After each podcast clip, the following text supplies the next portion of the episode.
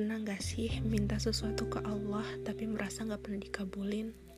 Sebenarnya Allah tuh bukan gak ngabulin, tapi Allah sedang melatih kita, melatih sabar kita agar ketika doa kita dijawab, kita menjadi orang yang siap menerima jawaban dari doa-doa yang kita langitkan.